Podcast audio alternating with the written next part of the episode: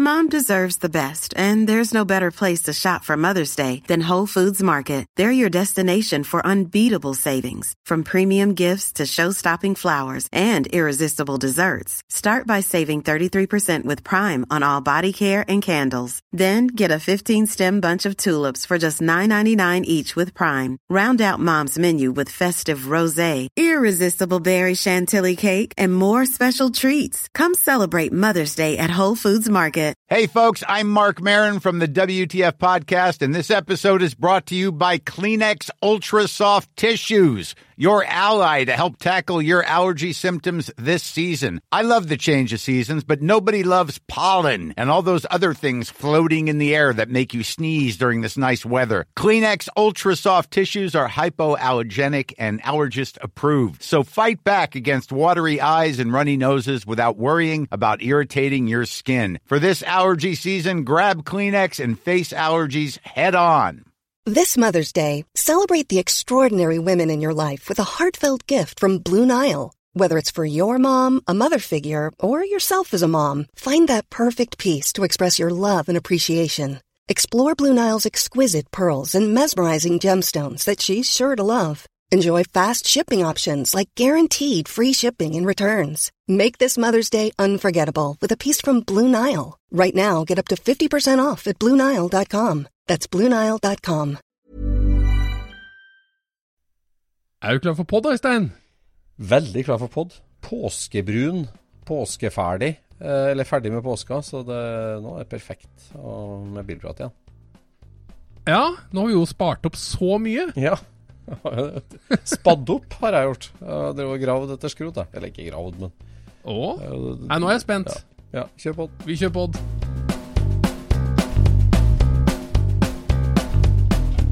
Du lytter nå til Scootspodden, en norsk podkast om klassisk bil med Jon Roar og Øystein.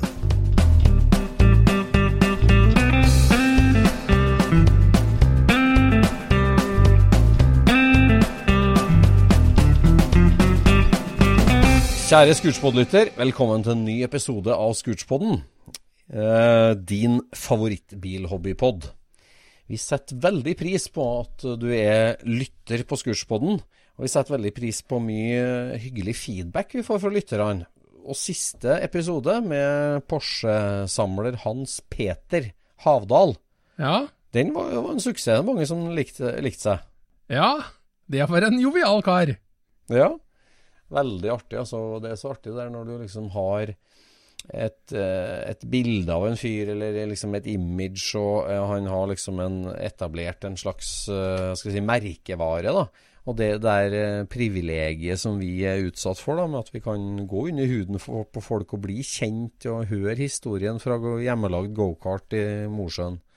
Jeg jeg vil heller si, kalle det for aura, jeg. At det er ikke en Ja, merkevare, det er mer en aura. Altså Ja, at man sant. tror ting om folk, ikke sant. Og så, og så kommer vi da inn i verkstedet og kommer liksom på innsida. Så blir det en helt annen stemning. Ja, det blir det. Fenomenalt artig, altså. Det er Møte folk på hjemmebane er, eh, det er bra. Ja. Ja. Og da er det jo veldig gøy at vi kan dele det med hele Norge. Ja, veldig. Veldig.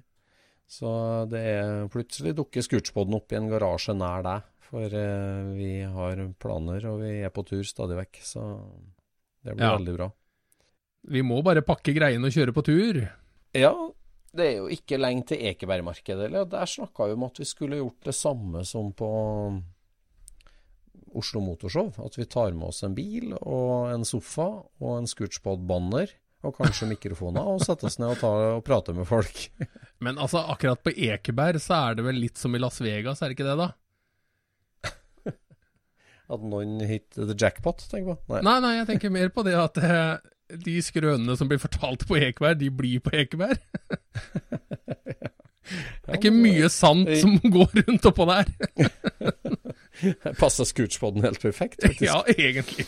Det, det er jo ingen som har hatt med mikrofon der før og tatt opp og gjort et seriøst forsøk på det. Det er jo kjempetøft, tenker jeg. Ja. Ja da, nei, jeg, jeg ser at det kunne vært moro. Det er sant, det. Ja. Nei, vi, vi, vi må få til det.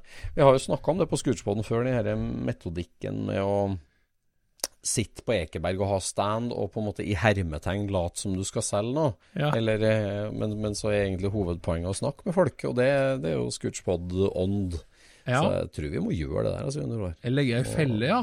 Mm. Nei, ikke veldig. Talking piece. Jeg kan ta, ta, ta den kybelen min, f.eks. Den har jeg jo tenkt å ha med på Ekeberg før.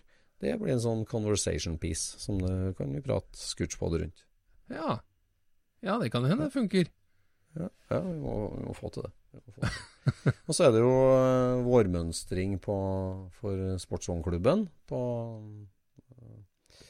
på Øvrevoll, Øvrevoll galoppbane eh, på søndagen. Samme helga som Ekeberg. Mm. Så det, Sportsvogn, det ja. seg. Ja. Nå har jo du en sportsvogn. Hæ? Du har jo en sportsvogn du nå. Jo, jeg har det. Jeg, har faktisk snakka med min gode, gode venn og nabo og Scootspod-samprater, Trond Ildbråten, om at vi skulle kjøre to Porsche 356-er. Ja. Eh, for nå ligger det jo til rette for det. Så det har vært toppet. Ja.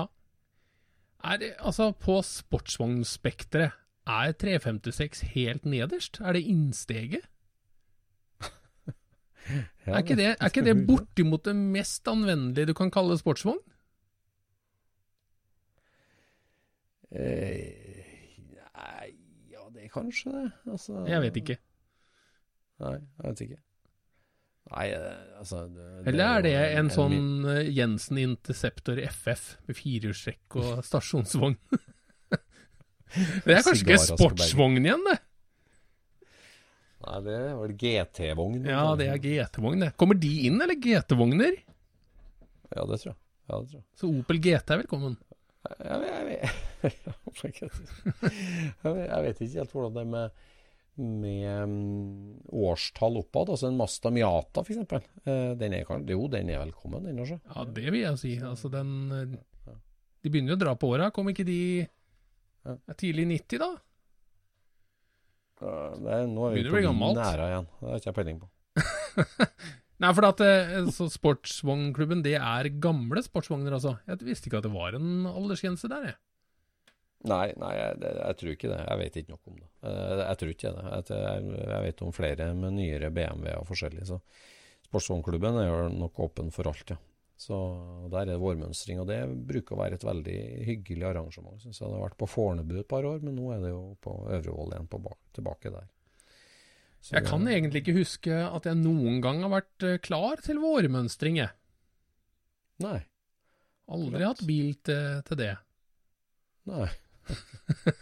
Du, du, du sikter sikte mer på de høstturene, du. Ja, det er mer rundt sankthans, er våren min. da begynner den å jeg.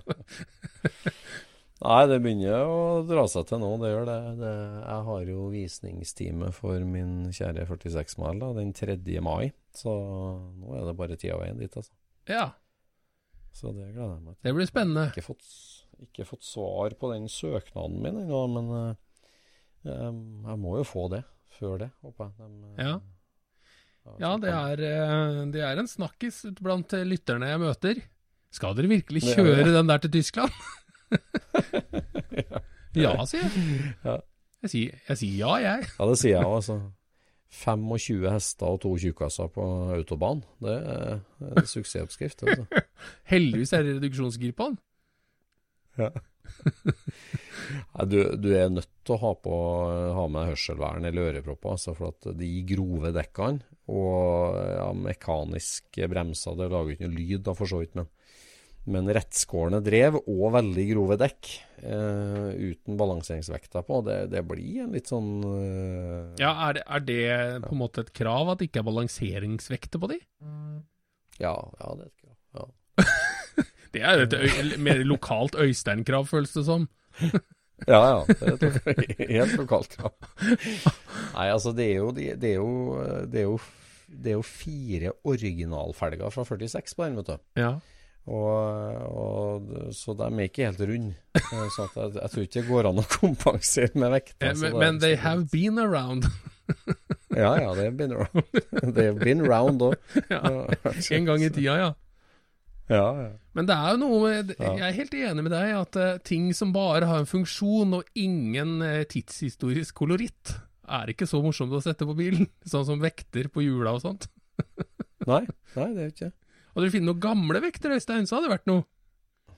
Ja, det har vært det. De, de skrues fast, kanskje. Jeg vet ikke, jeg vet ikke når sånn klink på vekta kom, egentlig. Utrolig eh, teknologisk utvikling, vet du. At det er vanskelig å Vanskelig å lage. Ja, det er det. Ja, det er rart, altså.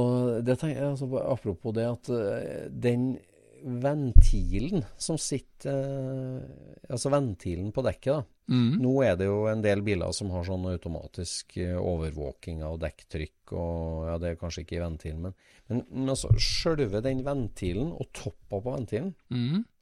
Det er en av de få delene på en bil som du kan bytte ut på nesten en 100 år gammel bil. Og, og, altså Audien, bruksbilen min, hver dag, ja. den har samme ventilene som min 28 mile Ford russebil. Altså, jeg, kan, jeg, kan, ja, jeg kan ta den derre eh, det, det verktøyet med, det, med hakket i og skru ut den ventilen og flytte den over fra den 28-malen til den 2018-malen.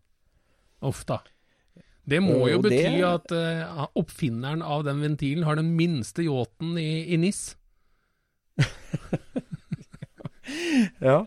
ja, men det er ganske rart altså, at, at, at, det, at det hele tatt er en del som er interchangeable på Ja, det er- 100 år. Det er jeg helt enig i. Det, det er rart, altså. Men uh, det, det er jo liksom derre Det ble en standard, og så var det ingen som gadd å endre det, bare. Nei, altså det der er jo sånn maskiningeniørstudieforelesning forelesning om det, liksom at når en ting finner sin endelige form. Det er sånn som hammeren og sånn som sykkelen og Mm. en del sånne ting. Som, så du, du, du, du graviterer mot en sånn endelig form, og det skal veldig godt gjøre å forbedre på en sånn optimal form. sånn. Ja, Snakker Sånn du nå om, eh, om eh, type 1 boble i standardutgaven? For den Du får jo ikke bedre enn det. Det er jo det som er kjærlukeren. Ja, ja det er absolutt. Ja, ja, ja. Apropos dekk Ja. og, um, og ventiler. Jeg kom jo tilbake fra påskeferie, og da midt på tunet her så sto det to kjempesvære paller.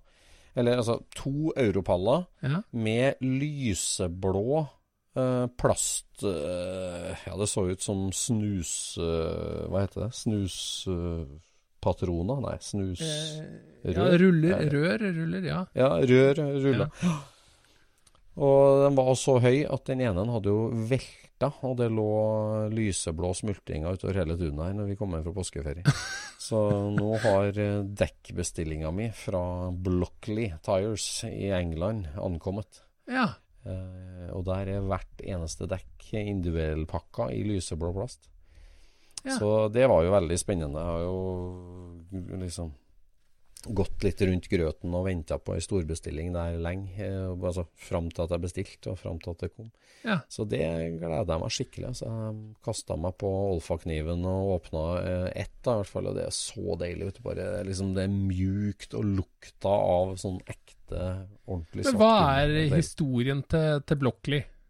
Altså, er det en eh, Er en recreation, på en måte, eller eh, Nei, altså Historien om Blockley det er jo det er en fyr, det er en engelskmann ja, som heter Julian Maizub. Uh, Maizub er jo litt sånn rart navn. Altså, jeg tror faren er palestiner, kanskje, eller sånt, men faren emigrerte til England da, for 50 år siden. Ja. Så han Julian eh, er født i England i en ganske sånn velstående familie, og han er vel kanskje 60 år i dag, da. ja.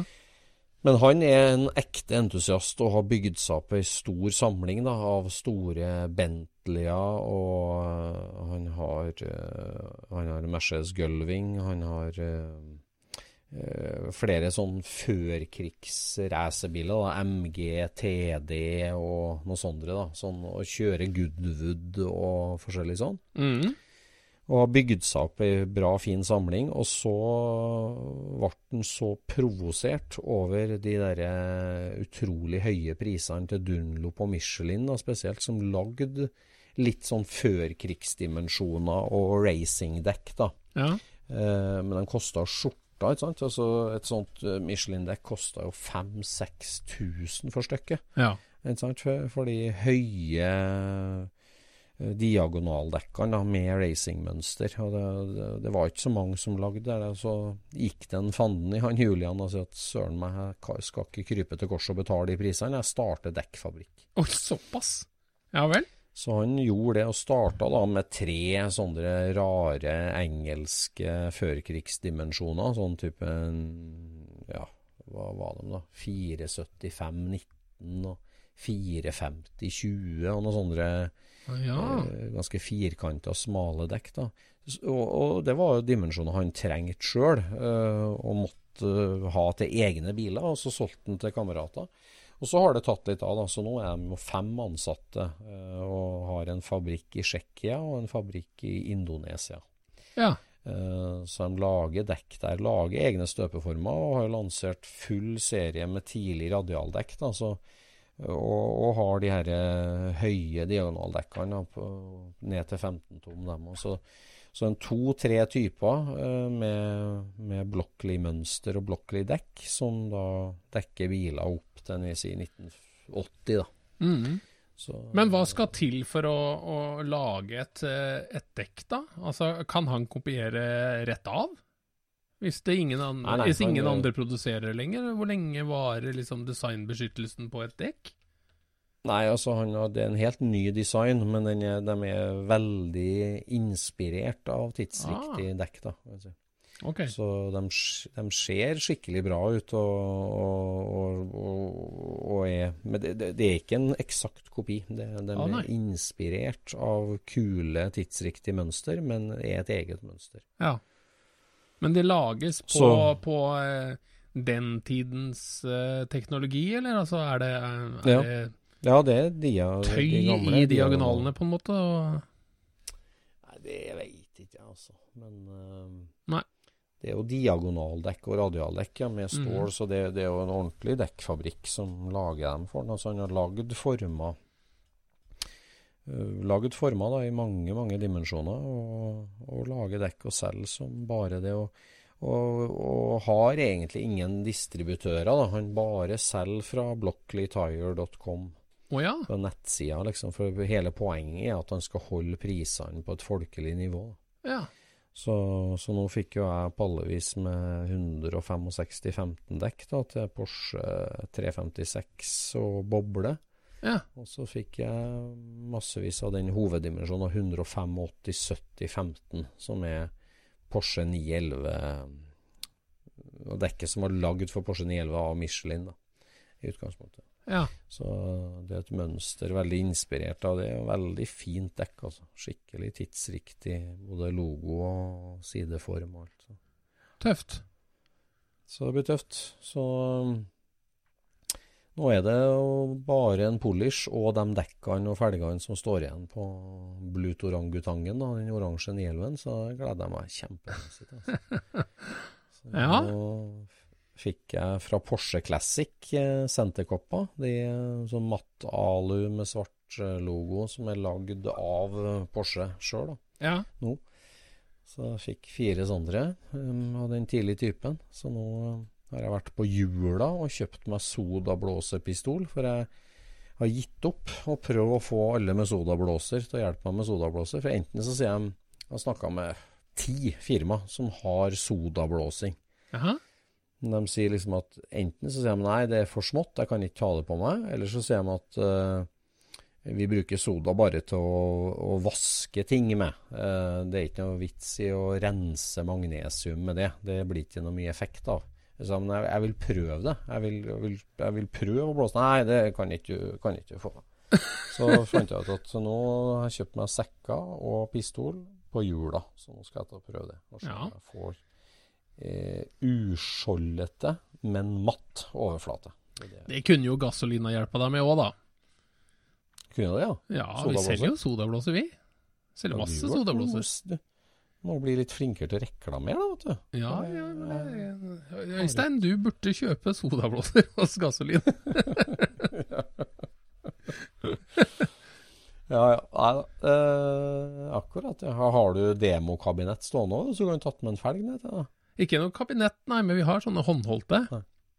Har du det? Ja. Ja, Nei, det der eh, Jeg er spent på det. Men nå begynner det å haste. For nå ligger jo dekkene her. De har liksom alltid vært så langt unna dem. Og sommeren har for så vidt vært langt unna, men nå er det jo Ja. Ja, det er noe andre. Men sodablåsing, vet du, det er jo så utrolig skånsomt. Altså hvis Ja. du sodablåser på en bil som er eh, motstandsveisa, eller altså punktsveisa på fabrikken, så forsvinner ikke blåfarven etter sveisen.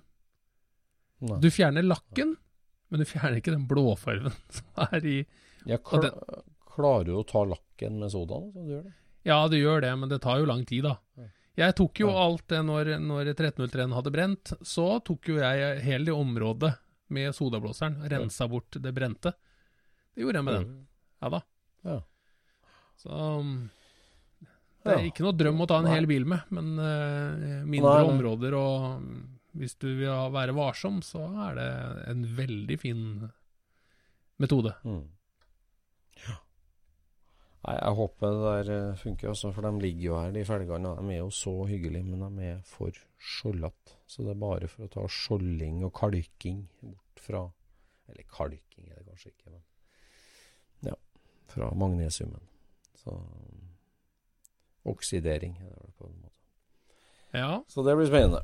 Mm. Ellers i påska har det blitt noe bilshow på deg? Ja, jeg har jo jobba på mange fronter som vanlig, da. Eh, Det har Ja. jo dessverre blitt veldig lite på, på egen bil. Ja. Men jeg har jo vært eh, rundt med motstandsveisen min og sveisa eh, føringsprofil for panserlist på boble. ja. For der har jo folkevogn hoppa over grunninga under. ja. Så etter 50 år så er det godt og brunt under en sånn list. Så da er det jo og mange som sliper bort de før de lakker om bilen. Så sliper Ja. de bort denne lille lista. Den er jo bare en sånn liten sånn J-profil. ja. Og den er vel sikkert 0,6 i tjukkelse. Den, den er jo syltynn. ja. Og da, da er jo Folkevogn gikk jo bort fra den lista, vet du. De fant jo Ja. opp en klipslist som de satte på panser isteden. Oh, det? Men, eh, men eh, vi som altså, er veldig nøye på utseendet, vi ser jo den svære, tjukke lista som sitter på panseret. Fordi saken er det at den blir så tjukk den for å nå ned til, til bilen, at det på en måte blir en ekstra bue i panseret. For du må liksom spenne så mye mer, da. Ja, ja, Så det lukker- gliper litt på Mm. midten. Ja. Ja. Så derfor så eh, finnes jo også disse listene å kjøpe på, på metersbasis. Ja. Men det vanskelige er jo å sette dem på uten en motstandsveis, for at det, når du punkter, ikke sant Hele sveisen forsvinner jo når du sliper for å få det fint igjen, så da detter jo bare lista av, kan du si. Ja. Ja, men du, da- du kommer, ikke, kommer du til på baksida hele veien der, da? Til å sette punkt? Ja, du gjør det, bortsett fra på rett over eksosen bak. Da Ja. trenger du en sånn ensidespunkter, egentlig. Ja. Mm. ja. Har du det òg? Det har jeg ikke, men Nei. vi har en idé om hvordan vi skal prøve å få det til. Ja, greit. Så, på, på 1303 så går det der helt fint, for der sitter ikke noe dobbeltplate noe sted, så den bytta jeg jo alt sammen på. Ja. Men nå er det en eh, 67 som vi eh, gjør det der på, da. Ja. Og da har vi jo sandblåst først, bort alt eh, rusten, og så er den en eh, grunna, og så er det eh, altså en grunna med sånn Volvo-grunning. Det er et fantastisk produkt, skjønner du. Ja. Det er en sånn, eh, en sånn liten boks som, som Volvo har hatt i alle år. Ja. Med penselen sittende fast i lokket, og det er en sånn blå metallic eh, som du smører på, og som ikke sprus, spruter, men fører strømmen rett gjennom. Sånn at det, Yes. det blir eh, hel ved, da. Det blir bra grunning, men, eh, men eh, Ja. seisbart. Ja. Og så sliper du til slutt bort eh, det som er overskytende, for det, det er ikke noe særlig å ha under lakken sånn egentlig. Det skal bare være der som det er dobbel plate, da. Ja. Men det er jo ikke Det er jo ikke strengt tatt et krav, egentlig, fordi bilen lever jo 50 år uten, så Ja. ja, går det an å kjøpe det over disk fra en Volvo-deleforhandler? ja, det tror jeg det gjør. Gjør det det? Ja, der har jeg hørt Så- på for mange år. Hm. Ja, nei, den er veldig populær, faktisk. Ja. Den forsvant jo for noen år siden. mener jeg de, de, våre Volvo-guttekompiser sa. Volvo-guttekompiser. Men våre kompiser på Volvo sa. Men så var det jo da, ble det et folkekrav om at den måtte komme tilbake, så da dukka han opp igjen. Ja. Nei, men det er bra, ja. Da har du fått vært ute og svingt deg. For den der, du drev jo med den påskebussen nå i alle år, men den er ferdig nå. Den eh, Den er ferdig for lengst. Ja, for lengst. Den er, ja. det tok vel bare elleve år å få, få den bilen opp å stå. Den var jo, ble jo kjøpt som EU-godkjent. Ja. Men eh, når du begynner å plukke det, så er det, det er forskjell på bra bil og EU-godkjent. ja det er forskjell. det er bra sikkert. Ja. Nei, Der var det gjort alle triksa i boka med å- Altså, all rust var tildekt av annen plate. ja. Det er jo liksom ikke noe grunnlag å restaurere bil på. Nei, det er det ikke. Godt, godt å bli ferdig med den, da. Så påsken kan brukes. Ja, det var deilig. Det var deilig. Men eh, jeg fikk jo en eh, telefon fra eieren av påskebussen her. Ja. Han har jo eh, kjøpt inn en veldig kjent Gia Ja. i folkevognmiljøet. ja. Mm. En hvit og sort Gia. Ja. Og på den så skal han ha noen eh, interessante felger, da, som har et eh, eh, forholdsvis enkelt senter. Men eh, det er litt rann form i det, men det er ganske lite. Så det er på mange måter liksom et eh, Kall det en stålfelgsenter, da. Og da var det liksom Hvilken farge skal dette senteret ha? Ja. Når bilen er, er elfenbenshvit og svart, Takk. hvilken farge skal senteret ha? Ja. Og når han fikk de, for han har jo kjøpt disse her for at de skal passe til bilen, da, men det er gamle felger, Ja. så de er vel modifisert for å passe akkurat på den bilen. Ja. Men da hadde de silkematt sort senter på Ja. felgene. ja. Og det mm, eh, Ja, det funker jo på et vis, det. Mm. Men problemet er at du ser jo ikke selve felgen. Du ser jo ikke noe design. Nei, Det forsvinner jo bare i et sort, sort høl. Ja. Ikke sant? Gjør det. Og da eh, sendte han eh, Thomas, som han heter, han sendte meg en, en melding som jeg misforsto litt. Mm. For han skrev det at eh, bildesigneren her Ja. eh, sier at jeg må matche taket på bilen med felgene. Ja. Og da trodde jeg at han snakka om seg sjøl, for han har designutdannelse, han Thomas. Ja. Og, da, og da var det jo veldig vanskelig, for at jeg var jo ikke enig. Nei. Jeg var jo ikke enig i at de sentra burde være svarte. Nei, men altså sånn filosofien med å ta igjen takfargen i felgene er jo bra. Men det er jo det faktum at det, det er svart. Det, det, altså, Ja, det var egentlig det som er problemet. ja, altså. Mm. Men da måtte jeg bare svare det at nå har ikke jeg den utdannelsen som du har, men, eh, så jeg, jeg tør ikke protestere på, på dette her, men likevel. men så viste det seg at det var ikke Thomas som eh, hadde foreslått at det skulle være svarte. Det var en, en av hans kollegaer som har jobba på Volvo, Ja. og har designa XC60 eller noe sånt noe. ja. Også på. Eh, han mente at eh, du måtte jo ikke introdusere en tredje farve på bilen. Ja. Å, han kom med det? Men da fant jeg og Thomas ut at eh, eh, vi var ikke enige med han. Nei.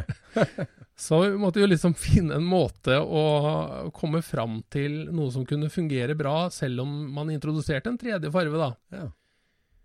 Og da tenkte vi over det at eh, alle farvene på den bilen går mot det varme. Ja. Altså det er mye rødt i hvitfarven, og det, det sorte er ikke ordentlig sort. Det er mer kanskje litt eh, veldig mørkt brunt, på en måte, så at det, det er mye rødt i det òg. Ja. Så da tenkte vi at kanskje gunmetal grey på, på senteret på felgene, men med en tanke rødt i, Ja. ville gjøre at det på en måte var i en eh, harmoni likevel. da. Ja. At det ikke ble en kjølig farve. Ja. Mm. Men at du da fikk en farve som var mørk nok til at eh, eh, Ja, eh, mørk nok bare for at det skulle bli noe bra kontrast mot bilen, Mm. og at du fortsatt kunne se skyggene spille i, i det pressa senteret, da. Ja, jeg skjønner. Mm. Så det har jo vært en kjempeutfordring å finne den farven. Det har vært mange forsøk nå. Har det? Men uh, nå har vi funnet igjen eh, en farve på sprayboks for Eastwood hos Gasolin som uh, ser ut som kommer til å bli veldig bra. ja. Så det blir spennende å se. ja, men felg banen, da. Hva slags planer er det der, da? Det er krum. Det er krum bane på de. Ja, okay. det er krum. Mhm. Så det er bare senteret du skal lakkere? Ja, altså er bare Grey er jo en Ja, det er jo eh, altså, Blander du svart og hvit, så får du jo grått, da. Så da, det, det er det jo. Det er sant. Det er sant. Akkurat. Men dette her med liksom å ta igjen farven til taket, altså er det noe med at eh, kult design og pent design er kanskje ikke det samme? Kult og pent? Nei. Ehm. Nei, det er jo Jeg tenker liksom en, uh, Si en, si en, uh, en Golf 1 Mm. GTI. Mm. De kunne fort ha tre farver, Mm. for de hadde den røde kontrastfarven i tillegg til, til farvene på bilen. Mm. Det funka jo det. Ja, det. Og så ha en sånn, en sånn prikk over i-fargen. ja, hva slags interiør er det egentlig på den G-en? Det er ikke en farge der det går an å ta igjen? da?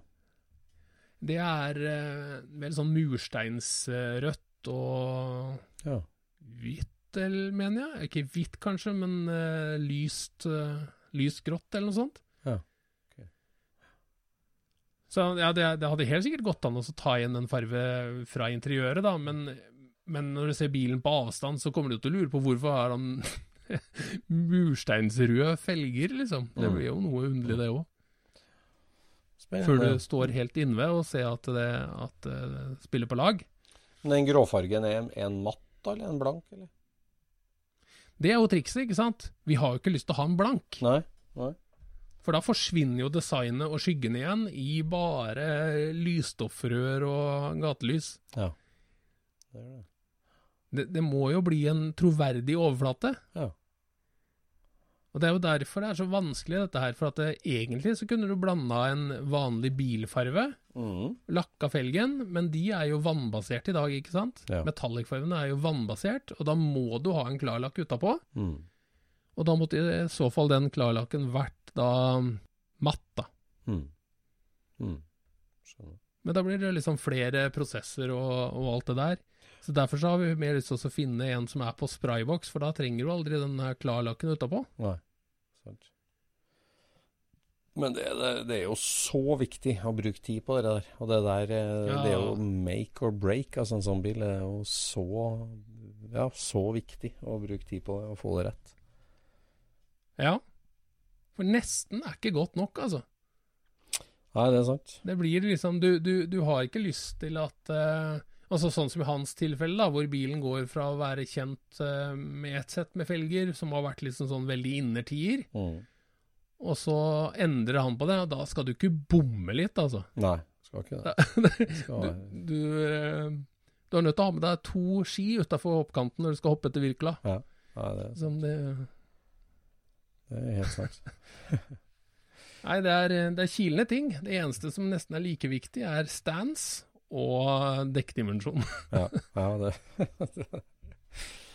Ja, nei, det er, eh, det er viktig. Ja. Er derfor jeg har på gnidd så mye på felgene til den 911 og lurer veldig, eller gleder meg veldig til å se den med full dekkdimensjon og riktig fargekombo. Altså. Det blir spennende. Ja. En annen en som ligger i selen nå for tida, det er jo vår kjære lytter, eh, unge lytter, Markus Trones. Som Ja. eh, jobber på spreng for å debu debutere og vise fram eh, et ferdig rullende chassis eh, på Ja. Stjørdal Motorshow. Som er bare to uker unna å åpne dørene. ja. Så Der har vi sett noen snikbilder allerede. Han driver jo og bygger opp igjen Calluckeren eh, til sin far, Toto Trones. Og, Ja. eh, og har jo nå ja, lakkert chassis, eh, bytta flyndra, sveisa rust, samla forstilling, bakstilling. Og der er det en del custom-triks og, og bling-bling, altså. Så det blir et artig chassis som 19-åringen skal vise fram. Altså ja, det blir jo sånn at hvis du skal debutere, bare chassis, så, så Ja. må du jo liksom skru det opp litt, da. Ja, det må det. Jeg skryter jo hemningsløst av den, for det der er jo eh, veldig mye mer detaljert og ordentlig enn faren hans noen gang gjorde. For jeg husker når han bygde den bilen. Så det er kjempekult. Eplet faller virkelig ikke langt unna stammen der, altså. Så Nei, det er artig. så Men, gøy. Ja da. Jeg var i Ja, jeg føler at det er unge folk i dag som begynner, de har så mange flere muligheter, altså. mm. Det, det føles som om eh, ja, Sånn som vi snakka med, med, med Havdal, da, om dette her med, dette med, med referansepunkter. Mm. Det er jo en fordel vi, vi andre har. Mm. At vi har de samme Vi mimrer mye bedre, vil jeg tro, for vi har opplevd de samme tinga. Vi har blitt påvirka av de samme bladene, Mm. de samme filmene. Mm. I dag så blir man påvirka fra så fryktelig mange hold, men de har den teknologiske muligheten at de kan bare sitte og tegne braketten hjemme på PC-en, sende av gårde til en eller annen fyr i Italia, og plutselig så kommer det et vannskjært brakett tilbake Ja, i posten. Ja, tenk på det. Er andre muligheter. Skanner hjulbuer og sitter og modellerer skjermbredderne på data, og så 3D-printer de ut form og støper glassfiber. Er liksom- Tenk deg det der. Altså, Den kreativiteten er, den har jo et turbogir, ikke sant? Ja, har det. Helt vilt. Helt vilt. Det er sant, altså. Ja, det er, Ja. det er helt vilt, de mulighetene de Det er da sikkert. Nei, jeg var i trivelig Trøndelag i påskeferien, og det var jo så fint vær ute, men eh, jeg har jo stort sett brukt og hatt én sånn bildag, for det er jo perfekt tid for å jakte opp litt eh, ting, eller eh, hente ting som du har venta lenge på, endelig er det vår. Men jeg og min kjære far, vi brukte årets bildag, påska, på grave oss helt innerst på et lager der altså Min far, som har vært scootspodist, begynte å samle veteranbiler i 1967. Og Ja. det, samlet, det, det som ble samla først, det ligger jo nødvendigvis innerst på låven og innerst i lageret, så det er samla ganske mye siden da. For låven var tom når han begynte, altså. ja, han eh, begynte jo å fylle opp låven hjem til foreldra sine. Da. Og der eh, var det jo i sin tid eh, høylåve, og det var slutt på høyproduksjon. Det var bare korn, så det, Ja. der var det bare å fylle opp, ja. Så eh, nå, det her var liksom litt tunge ting, da. Så det var på en måte ak framaksling, bakaksling, gearbox, lagre Så vi løfta jern, altså. Du trenger ikke å dra på spenst for å løfte jern. Så vi Nei. bar og bar og bar og bar, og det var ikke tull. Det var helt innerst, helt nederst, de, de tre-fire akslingene vi var på jakt etter. Men, men sånn som jeg husker historien til Arne, så kjøpte jo han bil. Han kjøpte jo kjørbare biler, men så begynte han å samle deler også. Han samla mye deler òg, det gjorde han. Eh, akkurat i caset med her, da, så er det den 1932-modell Ford Victoriaen som han holder på med nå. Da, den, eh, Ja. Som er jo en av de mest Eller en av de mer sjeldne bilene han har, og en veldig flott bil. og en veldig sjelden bil. Ja, den, den bilen han, var jo på søndagstur, og, og bare med sine to gamle tanter. De skulle ut og kjøre seg en tur, og slå opp campingbordet og sette på kaffen. Og så kom de rundt et naust da, uh, ute i Gjølme utafor Orkdalen der. Og der sto bak et naust der, så sto den 32 Forden på fire hoggstabber. Um, og, og, og et kjempefint karosseri og ramme, men der var det den klassiske historien om at alt som var tungt jern, det var solgt til sånn skrotinnsamling. En, eh, en liten lastebil som kjørte rundt på bygda og, og kjøpte eh, jern, rett og slett. Og da Ja. bare sa de forsyne deg, og han skrudde ut da motor, girboks, framaksling, bakaksling, alt som var tungt og lett å ta med seg, for å si det sånn. Ja. Det plukka han av. Så ble den stående på fire hoggstabber, og der sto den til far min fant den. Hadde kjøpt den for 800 kroner. En veldig, veldig fin stand, da, egentlig. Men eh, så Ja. det, det var jo Den var jo på en måte litt sånn uvanlig lite komplett i forhold til dem han kjøpte på den tida, men det var en så sjelden Ja. bil at det så han jo fort igjennom. Så, så Ja. der ble det jo slakta en par-tre biler og innhenta masse for å liksom ha rikelig med, med tungdeler da, når de skal settes sammen. Ja. ja.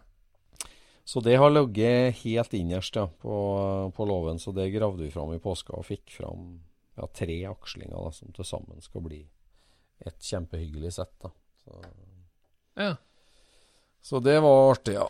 Da måtte jeg konsultere på FaceTime med en, eh, vår gode venn Terje K. Larsen med 32-ekspert.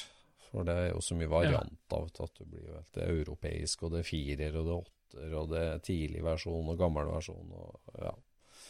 Så Ja. Men hvem var den første som fikk eh, droppa aksel? Uh, den første som fikk droppa aksel, det var jo egentlig 32 Forden, det da. For uh, A-Forden Den har det originalt? Ja, den har litt Ja. dropp originalt. Så A-Forden har jo én konstant radie, én lang bue. Hele I-bjelken er bare én lang bue. Det er A-Forden. Mm. Og så kommer 32-Forden, og den har da en sånn dobbeltkrum S, da. En droppa ytterst. En, en svak en. Og så ble det jo hotrodderne gjorde mer og mer av det, da. Mm. Så ja da. Så den eh, Vi fikk lempa jern og sortert masse greier. Sortert salgsvarer og ikke-salgsvarer. Ja, vi har mer enn nok av det ene og andre, i hvert fall. så, Ja. det med Ford, vet du. Skal den re restaureres nå med en gang, da, eller? Ja, det er full fart på den nå. Så ramma er jo lakkert, og skjermene er lakkert, og motoren er ferdig. Og, så nå er det liksom akslingene igjen, da, før vi kan begynne å montere sammen et kjørbart chassis, egentlig. Mm. Så ramma måtte jo rette. Og han het ekspert Egil Wahlstrøm nede i Moss og fikk retta ramma, for den var litt skeiv. Så det blir bra, Ja. det. her, så. det. Nei, altså Foran det akslinglageret da, så var det jo først en par biler som ikke ble flytta på 30 år. Så måtte vi flytte på dem. Og så var det en del flipperspill. Og så var det en svær, enorm haug med felger og dekk og hjul. Eh, komplette hjul, felger og dekk.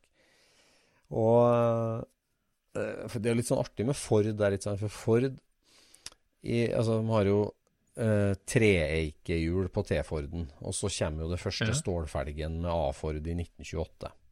Eh, Ja. 21 tommer. Og så i 1930 så blir den mer sporty og kommer med 19-toms felg. Eh, 1930. 1932 så kommer den med 18-toms felg. 1933 så kommer den med 17-toms felg. 1935 så kommer den med 16-toms felg. så, Ja. så der har du helt sånn like ståleikefelger da, som da detter fra 21, 19, 18, 17, 16. Og vi hadde mange sett av alle dimensjoner, for å si det sånn. Så, ja. og det, så det fikk vi sortert gjennom, da. Fikk litt oversikt over det vi har. Og det, det er jo, det er jo en, en samlers glede, det òg, å gjøre opp litt sånn inventory av og til. Altså om det er å sitte ja. og sortere skrueska di, eller eh, smådeleska di, eller lysbryterne dine, eller eh, hva det skal være. Så er det det med sånn sortering og, og, og ta eh, Å lage listene og få oversikt, det, det er en trivelig ting, skjønner du. Det er hamster. Oi, oi, oi. Ja, jeg skulle ønske jeg kunne få noe av det der. Ja. Det hadde vært uh, artig. Ja. ja, ja, nei, det syns jeg er hyggelig. Så det koste oss med i påska. Perfekt uh, påskelabyrint det er der. Og gjennom. Ja. Men uh, det der med å tilfeldigvis finne en bil bak et naust, Ja. Det minte meg på noe som eh, var noe trist som skjedde nå i eh, uka. At eh, Dieter Schmidt-Lorentz la ned. Det gjorde han. Han pensjonerte seg, han. Ja, det var det som skjedde. Mm. For det var en sånn eh, lita sjappe i Hamburg som solgte mye originalting. Mm. Supertrivelig. Så kom jeg bare på eh, første gangen jeg hørte om Dieter Schmidt-Lorentz. Ja. For det, han tror jeg ikke var veldig kjent utafor uh, Tyskland på 90-tallet. Nei, det tror jeg. Den sjappa tror jeg var sånn ganske smal. Ja, det var smal. Det var jo bygd opp på NOS-deler, bare. Han var jo en av dem som holdt seg til kun gammelt lager. Ja, stemmer. Ja. Nei, eh, vi kjørte jo på kartbok den i gamle dager, ikke sant? Ja. Og noen ganger så, så stemte ikke kart og landskapet helt. Nei. Så jeg og noen kompiser vi var ute og kjørte i, Eller kom til Hamburg. Ja. Og så skulle vi finne fram til Lurer på om det var Hard Rock kafé Det var altså, et eller annet sånt et eller annet sånt som antageligvis lå midt i senteret av byen. Det var sikkert Pizza Hut. Men Du det kan å, ha vært Pizza Hut. pleier å søke på Pizza Hut i Diskøya. Don't mention a war. Ja. Ja. Nei um, uh, Jo, Mm. og så havna vi i et eh, boligfelt. Ja. Og tråkla rundt i det boligfeltet, for det måtte jo finnes en vei gjennom det boligfeltet, mente vi da. Og da kom vi rundt et, eh, et hjørne, og der sto det plutselig en deluxe-buss. Ja. En 23-vindus deluxe-buss. ja. Sto parkert på gata i Hamburg, et boligfelt. Perfekt. Og vi bare wow! Det hadde vi omtrent ikke eh, sett live i hele tatt. Vet du. Det var ikke noen vanlig bil på 90-tallet, det. Nei. Så vi var jo ut av bilen og begynte å kikke rundt den der. Den var jo en helt nyrestaurert bil, da. Oi. Så vi eh, sto jo og glodde der sånn, og så plutselig så dukka det opp en ung tysker. da. Han var jo jevngammel med oss, liksom. Bare sånn 18-19 år. Yes. Og han hadde restaurert den bilen, da. Nei. Og så hadde jeg med meg Jeg hadde med meg bilde av min egen. Ja. Det hadde jeg faktisk. Ja. Ja. Så, så vi sto jo og skravla med han, og han syntes jo også det var artig å møte oss, da. Ja. Som, som visste noe om sånne biler. Og, og så, så så jeg det at han hadde jo ambulansevifte, vet du, i den deluxen. Ja. Og det er jo et sånt lokk hvor det er pressa to sånne mm, ja, kuler på lokket for å få plass til to viftemotore inne i ventilasjonen oppi taket. Ja. Og da har du jo en sånn hendel med lys i, Ja. som viser at denne her er på eller av, ikke sant? Så viftene går og blåser friskluft inn på pasienten. Ja. Ja. Det hadde han i den uh, deluxe-bussen. Ja. Og, da, og sånn hadde jo ikke jeg min, for det er jo selvfølgelig det første som forsvinner i en ambulanse. Det er jo ambulansevifta. Mm. Så, så jeg spurte hvor han hadde fått tak i den. Og den hadde han kjøpt på det, Dieter Schmidt Lorentz. ja. Og jeg bare det, Det hørtes jo veldig kult ut, da. Ja, han hadde kjøpt det der. Men, men han hadde en til. Ja. Jaha. Ja, så bli med her, sier han. Og så gikk vi bak i hagen hans, og der eh, hadde han et skur. Inni der sånn, så dro han fram en plastikkasse. Ja. Oppi den plastikkassa lå det en, en ambulansevifte, men det var uten motoret. Men det var hele frontplata med den vrieren og alt sammen. Yes. Og så Ja, kjemperått. Hva skal du ha for den? Nei, ja, den kan du få. Oi. Du, den trenger jo du mye bedre enn at jeg har den i en kasse her. Ja. Den fikk jeg faktisk. Nei, det. Det var jo eh, rimelig hardvaluta når jeg fant det, i hvert fall. Så det var eh, veldig gøy. Bare en fyr midt på gata, liksom. Det Vær så god. helt ut av det blå. Ja, var, var det der du da oppsøkte Dieter Schmidt-Lorentz òg, eller? Eller så fant du han der da? Ja, vi kjørte til, vi kjørte til butikken hans, men Ja. det her var en søndag, så det var jo stengt, da. Ja. Og så, ja, så da klarte vi jo ikke å prioritere det der opp nok, da. Så da kjørte vi videre til Løkken ja. i Danmark. Fy søren, så gratis ambulansevifte på gata i Hamburg, rett og slett. Ja, det var ikke Det var ikke fy skam, men det var en uh, lucky chance. Ja, lucky chance. Det- Har du noen sånne opplevelser, du, eller? Eh, ja, det er jo mange, det, altså. Ehm, ja, hva skal vi se, ta på sparket. Altså, det, det, det er jo liksom Det er jo sjelden at det er helt, helt, helt tilfeldig, da. Men um, jeg var jo Du vet, jeg fikk jo tak i Tøndersodderen, den uh, Switter uh, bakkeløpsbilen. Eh, Ja. Det er jo ei splittboble som var bygd i Larvik av en trønder i 1964. Og gikk masse billøp i Norge fram til Elverumsløpet 1973, da han knakk veivakslingen på startstreken. Eh, og så ble jo den bilen pensjonert bak en låve oppe i Elverum og lang forskjellig sånn. Og så fikk jeg tak i den, restaurerte den opp igjen og begynte å skulle kjøre løp med den. Det her husker jo du, men det er jo lenge siden nå. Det er jo 25 Ja, ja. år siden. Og så var det jo det at um, i den bilen så sto det jo et kjemperart båtsete, vet du. Det var en sånn Ja. rød og svart vinyl bøttestol. Så ut som den tatt fra en sånn amerikansk eh, sånn bass fishing, fishing boat. Det var en sånn en. Sånn litt oh, ja. rar, brei, lav sak. Den sto i den, Ja. ja. Og den passa jo egentlig ikke. Altså, den, den ja, liksom gikk inni døra. Den var uten dørtrekk, så den gikk som lik inni døra, for den var så brei da, mellom trinnene. Og det så bare helt dust ut. Det var jo et slags tidsriktig ting. Men så snakka jeg med han Arne Rieune som eh, bygde den bilen, og han sa ja, det var ikke noen GT-stoler å få tak i. GT-stoler var ikke et begrep det når jeg bygde den bilen i 64-65. Så det var bare å få tak i noe. Da var det båtsete eller flysete, da, sa han, som gikk an. Tenkte, ding! Flysete, det er kult. Det må jeg heller få tak i enn båtsete. Og så Ja. fant jeg ut det at um, Det her ble en lang historie, da, men uh, så fant jeg ut at uh, Pensjonistforeninga på SAS, altså SAS, gamle flyvere på SAS, de møttes en gang i måneden utpå gamle Fornebu uh, og drakk kaffe sammen. Så pensjonistklubben i SAS, liksom, de møttes. Og de Men du, bruk- hvordan, hvordan fant du ut det? Ja, hvordan fant jeg ut det?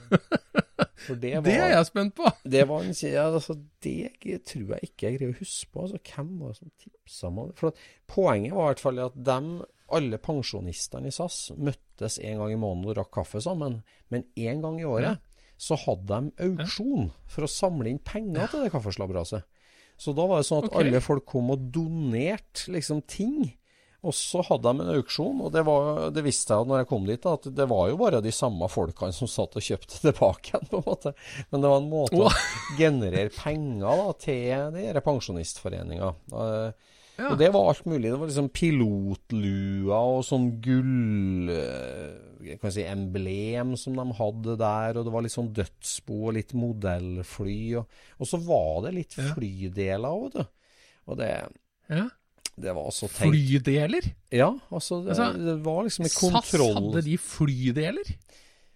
Ja, altså det der var jo pensjonerte flymekanikere og flyvere, ja. da. Ja, det var alt mulig. Altså, det var Ja. pensjonistforeninger. Altså, så altså øh, det, Nå i ettertid Det her er jo 25 år siden, men nå i ettertid så er det helt hårreisende at jeg ikke kjøpte mer og ikke var der mer. For at jeg, jeg fikk høre om det, jeg tenkte at et sånt et, et flysete, det må jo gå an å få tak i der.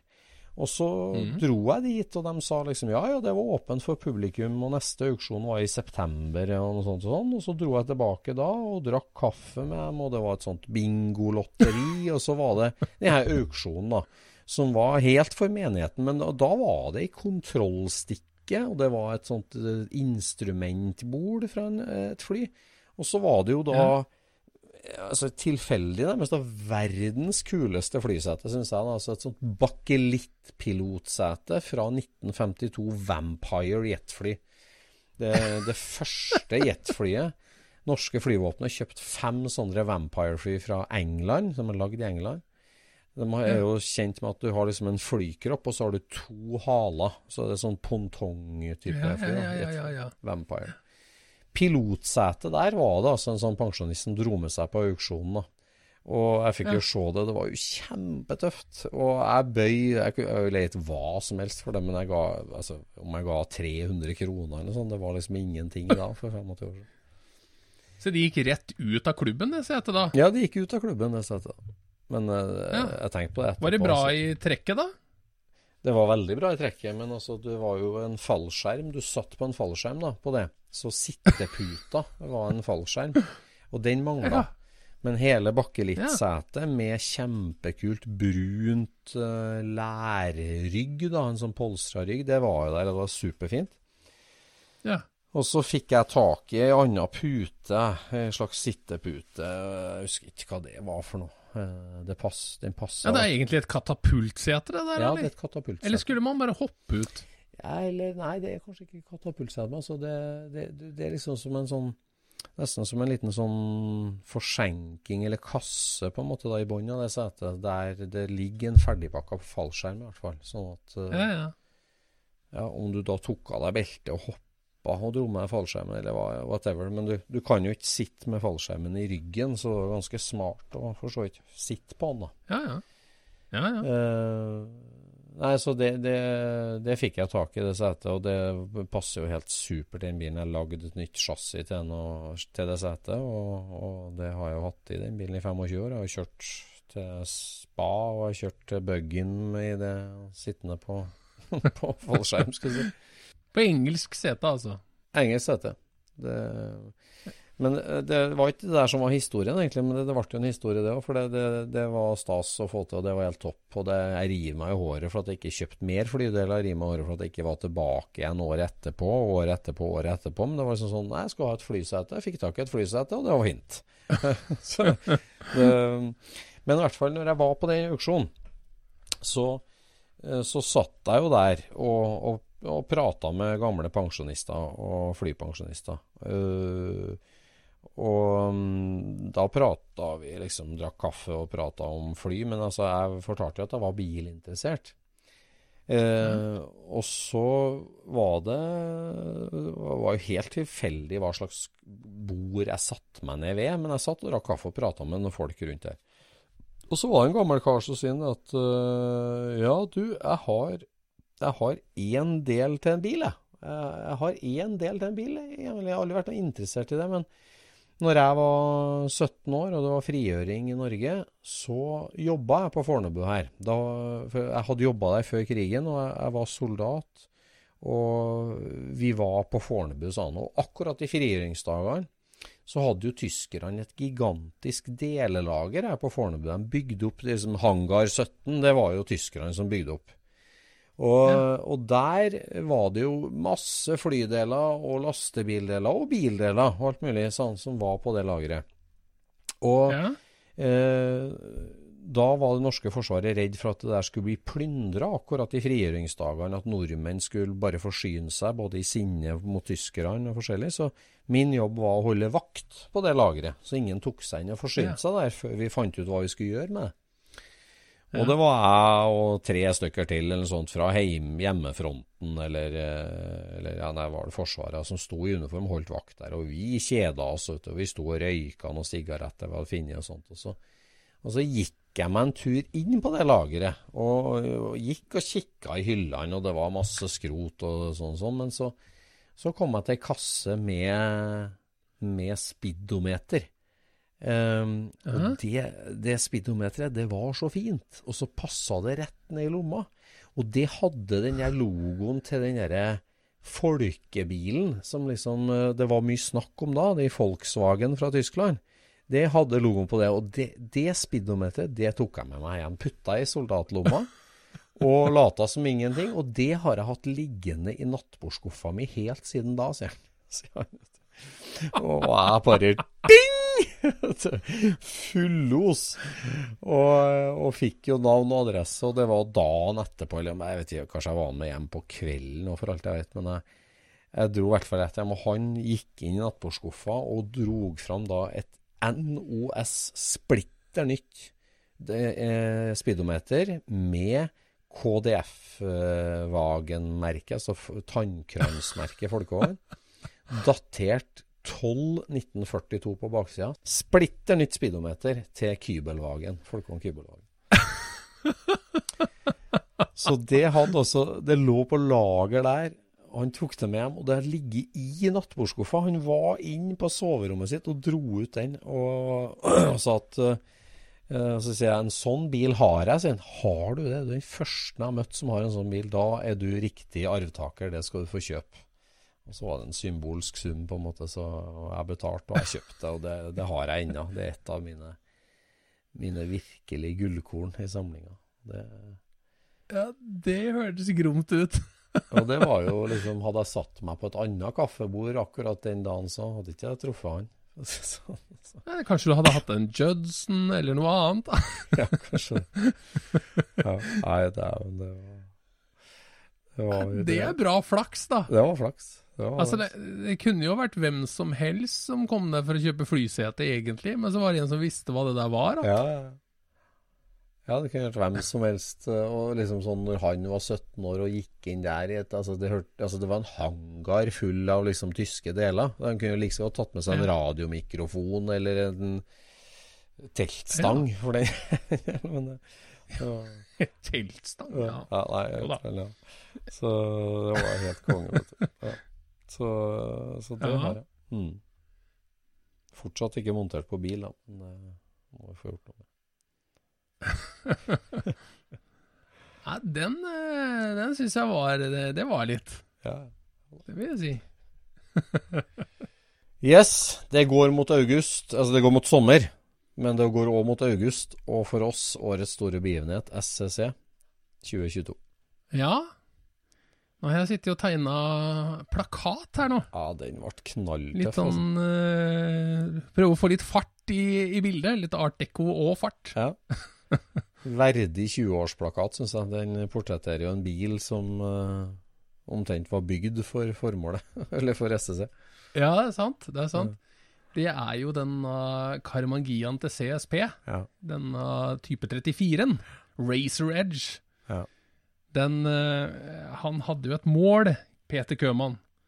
Mm. Eh, og det var at han skulle kjøre åtte sekunder med magnesiumblokk. ja. Det er egentlig eh, Det er egentlig ikke mulig i praksis. Men det hadde han satt seg som mål, og han er jo, han er jo en tysker med klare meninger og, og respekt for måla sine. Ja. Så han bygde et skikkelig eh, Fikk bygd et skikkelig chassis i, i Statene. Ron Loomis som sveisa chassis. Mm. Og så bygde de et karosseri som er helt dønn strøkent, med nye better og eh, altså Det er jo bare et stålkarosseri, da. Mm. Men det har alle detaljene. Og så begynte de å kjøre, og da kjørte de sånn rød oksidprimer, ikke sant. Mm, det sånn er alle bilene hans. De er i oksidprimer helt at de når målet sitt. Da lakker den dem. Det er sånn, ja. ja, ja. Ja. Og, så, og han har jo også denne fjernstyrt-greia, vet du. Han er litt på Tamian. Så det karosseriet på den bilen der sånn, det er jo lakkert nøyaktig likt innvendig som utvendig på karosseriet. Så at det skal se ut som det er Lexan. Nei. Sorry. Jo! Ja. Det er speilvendt med reklame og alt. Det er Nei. vendt innover også, speilvendt. Nei, er det? Jo, ja, ja. Det, så, så vill er den bilen, altså. Så den, Så den er jo utrolig tøff. Men han klarte jo da å kjøre denne åttesekunderen på SSC Ja. med, med den bilen, og den, den var jo Han bestemte seg Vi skal bare kjøre på den beste europeiske dragstripa, og det var Gardermoen, mente han. Ja. Så han kom gang på gang til Gardermoen for å kjøre denne åttesekunderen. Og piloten, nei, sjåføren ble flydd inn fra California hver eneste gang. Det var Ron Loomis. ja. Det var helt vilt. Det Helt var en vilt. helt vill periode. Det var en helt vill periode i europeisk folkevogntid, rett og slett. ja. Ja. ja det, var, det var artig. Det var en, en 2,3 liter med Det var vel Altså, den Det var en turbomotor som snurra nesten 10 000 omdreininger. Ja, Det var jo eh, JPM som hadde stått for eh, motordesignet der, og han er jo en, eh, en turtallsmann. Så det var en ordentlig turtallsmotor med turbo på. Veldig verdig plakat og 20-årsmarkering, det må jeg si. Skikkelig Ja. kul. Ja. Så Nei, takk for den. det der gleder vi Vi oss til. Vi driver jo og prøver å samle troppene da, da, og så få til en ordentlig dragracing på, på Gardermoen. Ja. Og der hadde vi jo, for mange år siden, så hadde vi besøk av en som heter eh, Alex eh, Leichbach, eller noe sånt noe. Ja. Eh, men han, det er en, eh, en spinkel liten mann med langt, sort hår og flippskjegg. Ja. Så han ser nøyaktig ut sånn som eh, Jesus gjorde. Eller sånn som, Han ser veldig typisk Jesus ut, da. Så han kom jo til Norge med kallenavnet Jesus hjemmefra. ja, han engelske fyren? han engelske, ja. Ja, ja, ja. Oh. Og han hadde, en, han hadde jo da en Early Bay som han drev og kjørte dragracing med. En Ja. campingbil som Ja. han kjørte dragracing med. ja, han husker jeg. Mm. Ja, Så det, det var skikkelig han, Ordentlig dedikert. Ja. Og eh, så har det vært stille fra han i mange år, men han kjørte mye dragracing med den, eh, den camperbilen. Ja. Og klarte vel å få til et eller annet der. Men nå i våres så dukka han jo opp på nytt. Oh. Da har han bygd seg en Early Bay eh, folkevognbuss. Altså det vil si en 68 til 71. Ja. Eh, folkevogn enkeltkabiner ja. i, eh, i beige. Og det er jo et fullt rødrammersjassi Ja. med en, en, en treliters Pauter helaluminiumsmotor bak der, og eh, som går på metanol med turbo og eh, ja, ladeluftkjølere, ladder bars, wheelie bars, eh, altså the Nei. works. Og han sitter da i et funnycar-bur inni hytta på denne eh, Og første runden ut, så kjørte han 10-5 med den der uh, pickupen, da. Og så var han på 9-8, altså 9-5. Og på slutten så var han, kjørte han 9-0-9 i løpet av den helga på, på Santapod, da. Her. Så det går. Og det, altså, det er jo en låvedør han trøkker gjennom lufta der. Er det han, ja? Jeg så jo de Det filmene. Jeg har jo sovet i samme seng som han. Han mangla rom. Han mangla et sted å sove, han, etter en veldig fuktig Calluck-dinner på Folksårdshow et år. Og endte opp på rommet mitt. Var ikke plass på herberget. Nei, det var ikke det. Jesus måtte ta til stakke med en stall, faktisk. Stakkars trønder. Ja. Ja. Ja, var det han? Jeg skjønner. Tøft. Og det er jo derfor den bilen har så fantastisk navn, vet du, den enkeltkabineren. Ja. Den heter jo The, The Second Coming. Jeg kommer til SSC. Ja, vi driver, og, vi driver og prøver å overbevise ham om at han må komme i år. Da. Han har lova å komme neste år, men eh, For han var, jo, han var- jo helt lyrisk når han var på SSC første gangen. Ja. Han elska jo det, vet du. Herregud. Eh, og han hjulkjørte jo fra, fra London med den, eh, med den camperen sin den gangen. Det går ikke an med den han har nå. Nei, det går ikke an. Men eh, du verden så kult det er å se dette her. Bare, det skvetter av gårde, altså. Han er, han er nok eh, på riktig side av 1000 hester i denne saken her, sånn, så det, det, her, det bor mer i den, altså. Vær du trygg. Nei, det er ingen tvil om hvor du, kjære lytter, skal være hen. Uh, helga 17.18. august 2022. Da er det Gardermoen. Nei. Og nå ligger også ruta ute på Superscenic. Den Mhm. ligger på scevent.com. Første Der kan du gå inn og se ruta som går rundt eh, Hardangerfjorden. Mm. Vi skal både til Baroniet og til Nordheimsund. Ja. Jeg gleder meg til å se de, de samlingene der ute. Mye å glede seg til. Ja. Uh, men nå er denne episoden av Scootspodden over. Ja. Tusen takk for at du hø hører Nå på. må vi komme oss i garasjen igjen. Ja. takk for i dag. Vi snakkes. Ha det bra. Scootspodden produseres av SSE Media, med god hjelp av VV Norge og Trond Dahl for hosting, Knut Micaelsen for musikk. Abonner på Scootspod via podcaster eller Acast, og følg Scootspod på Instagram og se det vi snakker om. Der kan du også komme med kommentarer og innspill, og fortelle oss hva du vil høre om.